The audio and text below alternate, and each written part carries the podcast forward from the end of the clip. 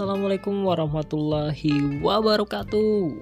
Selamat pagi, siang, malam buat teman-teman yang ngedengerin podcast Ningrum kali ini. Ya, udah lama banget ya nggak ngeluarin podcast Ningrum nih.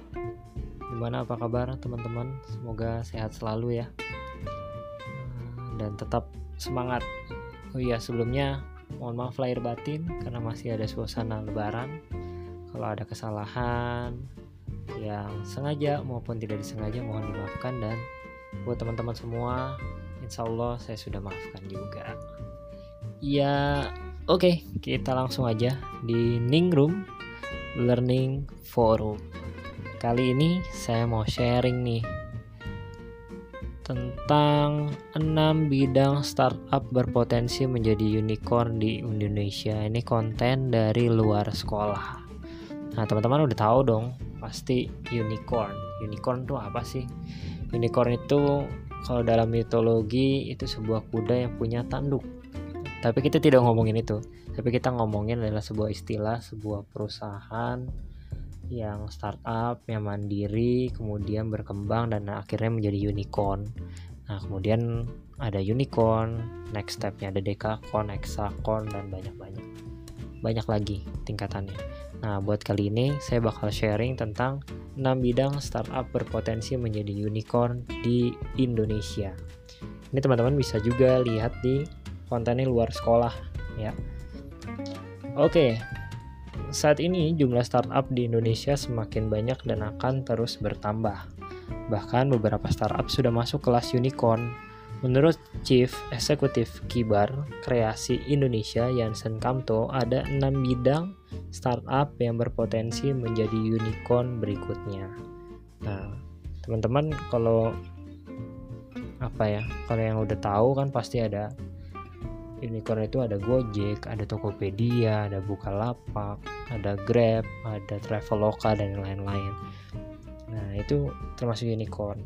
Barangkali teman-teman yang mendengarkan di podcast Ningrum ini juga ada impian untuk membuat unicorn-unicorn selanjutnya atau ide-ide startup selanjutnya. Oke, yang pertama langsung aja. Yang pertama adalah menurut data BPS tahun 2018 ada sekitar 37,77 juta penduduk Indonesia bekerja di sektor pertanian. Hal ini berdampak pada munculnya beberapa startup yang membuat aplikasi untuk mengembangkan bisnis di bidang ini. Nah, kalau berbicara tentang pertanian, berarti bagaimana kita menghubungkan antara human dan mesin gitu ya. Dan sistem pastinya untuk bisa mengelola lebih efektif pertanian kita. Jadi yang pertama adalah pertanian.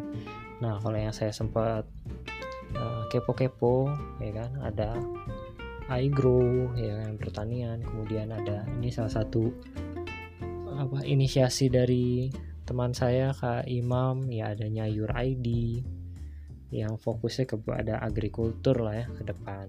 Nah, barangkali teman-teman ada yang berminat untuk mengembangkan bisnis di dunia pertanian.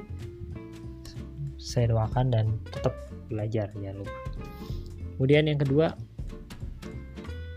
hampir semua startup pendidikan di Indonesia memiliki tujuan sama, yaitu ingin meningkatkan kualitas pendidikan di negara ini dengan cara menyediakan layanan materi pembelajaran yang bisa diakses secara online.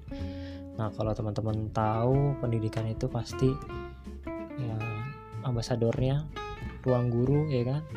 Pasti teman-teman tahu karena ambasadornya Iqbal Iqbal Ramadan ya. Cowboy Junior pasti udah tahu Dilan dan lain-lain. Kemudian selain ruang guru ada juga Genius ya kan? Nah, itu fokus bidang pendidikan. Dan kalau teman-teman ada yang mau fokus ke bidang pendidikan juga monggo karena sistemnya sebenarnya e, menawarkan pembelajaran secara online sih. Dan banyak sistem-sistem yang lain. Jadi bekerja eh jadi belajar tidak hanya bertatap muka langsung ya, ketemu fisik atau langsung berjumpa, tapi bisa juga lewat online dan lain-lain. Oke, kemudian yang ketiga, Kesehatan merupakan salah satu bidang startup yang potensial di Indonesia. Saat ini, Sejumlah startup di bidang kesehatan mulai bermunculan untuk menawarkan kemudahan dalam mencari info seputar kesehatan hingga pemberian pelayanan. Nah, ini kayak apa ya, dokter online gitu ya, model-model kayak gitulah. Nah, ini kalau dari tiga bidang yang tadi ya, ada pertanian, pendidikan, kesehatan. Pada intinya adalah bagaimana menggabungkan yang sudah dikerjakan sekarang dengan era kekinian sekarang dengan perkembangan teknologi digabungkan dan akhirnya menjadi sebuah startup gitu ya. Kemudian lanjut 4. Saat ini pertumbuhan jumlah wisatawan terus menunjukkan peningkatan yang signifikan di Indonesia.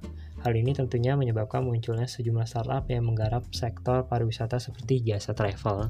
Nah, yang tadi saya sempat mention seperti Traveloka, Mr. Aladdin, apalagi Airbnb dan lain-lain itu fokus kepada pariwisata. Dan kelima, logistik. Saat ini sudah banyak startup yang bergerak di bidang logistik. Beberapa di antaranya berusaha mempercepat waktu pengiriman dalam kota, sedangkan beberapa yang lain berusaha membuat pengiriman barang keluar kota lebih efisien. Nah, logistik ini seiring perkembangan dengan startup-startup yang bergerak di e-commerce, otomatis mereka memerlukan namanya pengantaran yaitu logistik. Nah ini banyak ya logistik ada GNT, ada Tiki, JNE, Ninja, apalagi Wahana dan lain. Nah ini juga bisa jadi potensi buat teman-teman kalau misal ada niat untuk bergerak di bidang logistik. Dan yang terakhir yang keenam adalah energi alternatif. Saat ini di Indonesia masih membutuhkan startup yang bergerak di bidang energi dan bisa memecahkan masalah tentang bagaimana kita bisa menghemat energi yang saat ini semakin terbatas dan mahal.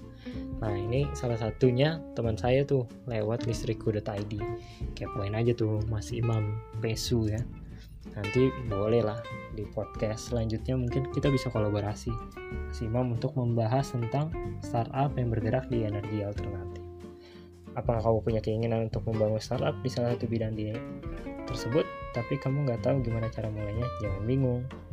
Nah di sini banyak ya bulan ini nah untuk luar sekolah bakal launching kelas online startup founder loh. Nah sekarang pantengin terus IG di luar sekolah biar nggak ketinggalan. Nah itu yang sempat yang saya sharing di dalam podcast kali ini.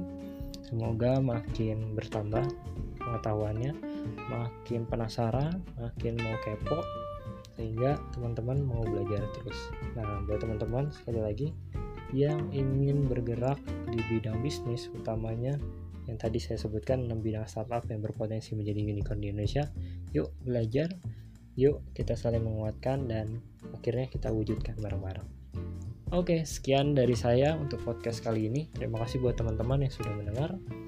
Tetap berikan pendapat, saran, kritikan maupun apa pun yang lain ke podcast saya Ningrum bisa lewat IG, bisa lewat email dan lain-lain nanti saya sertakan di Instagram dan tetap kita saling menguatkan untuk membuat Indonesia yang lebih baik. Terima kasih.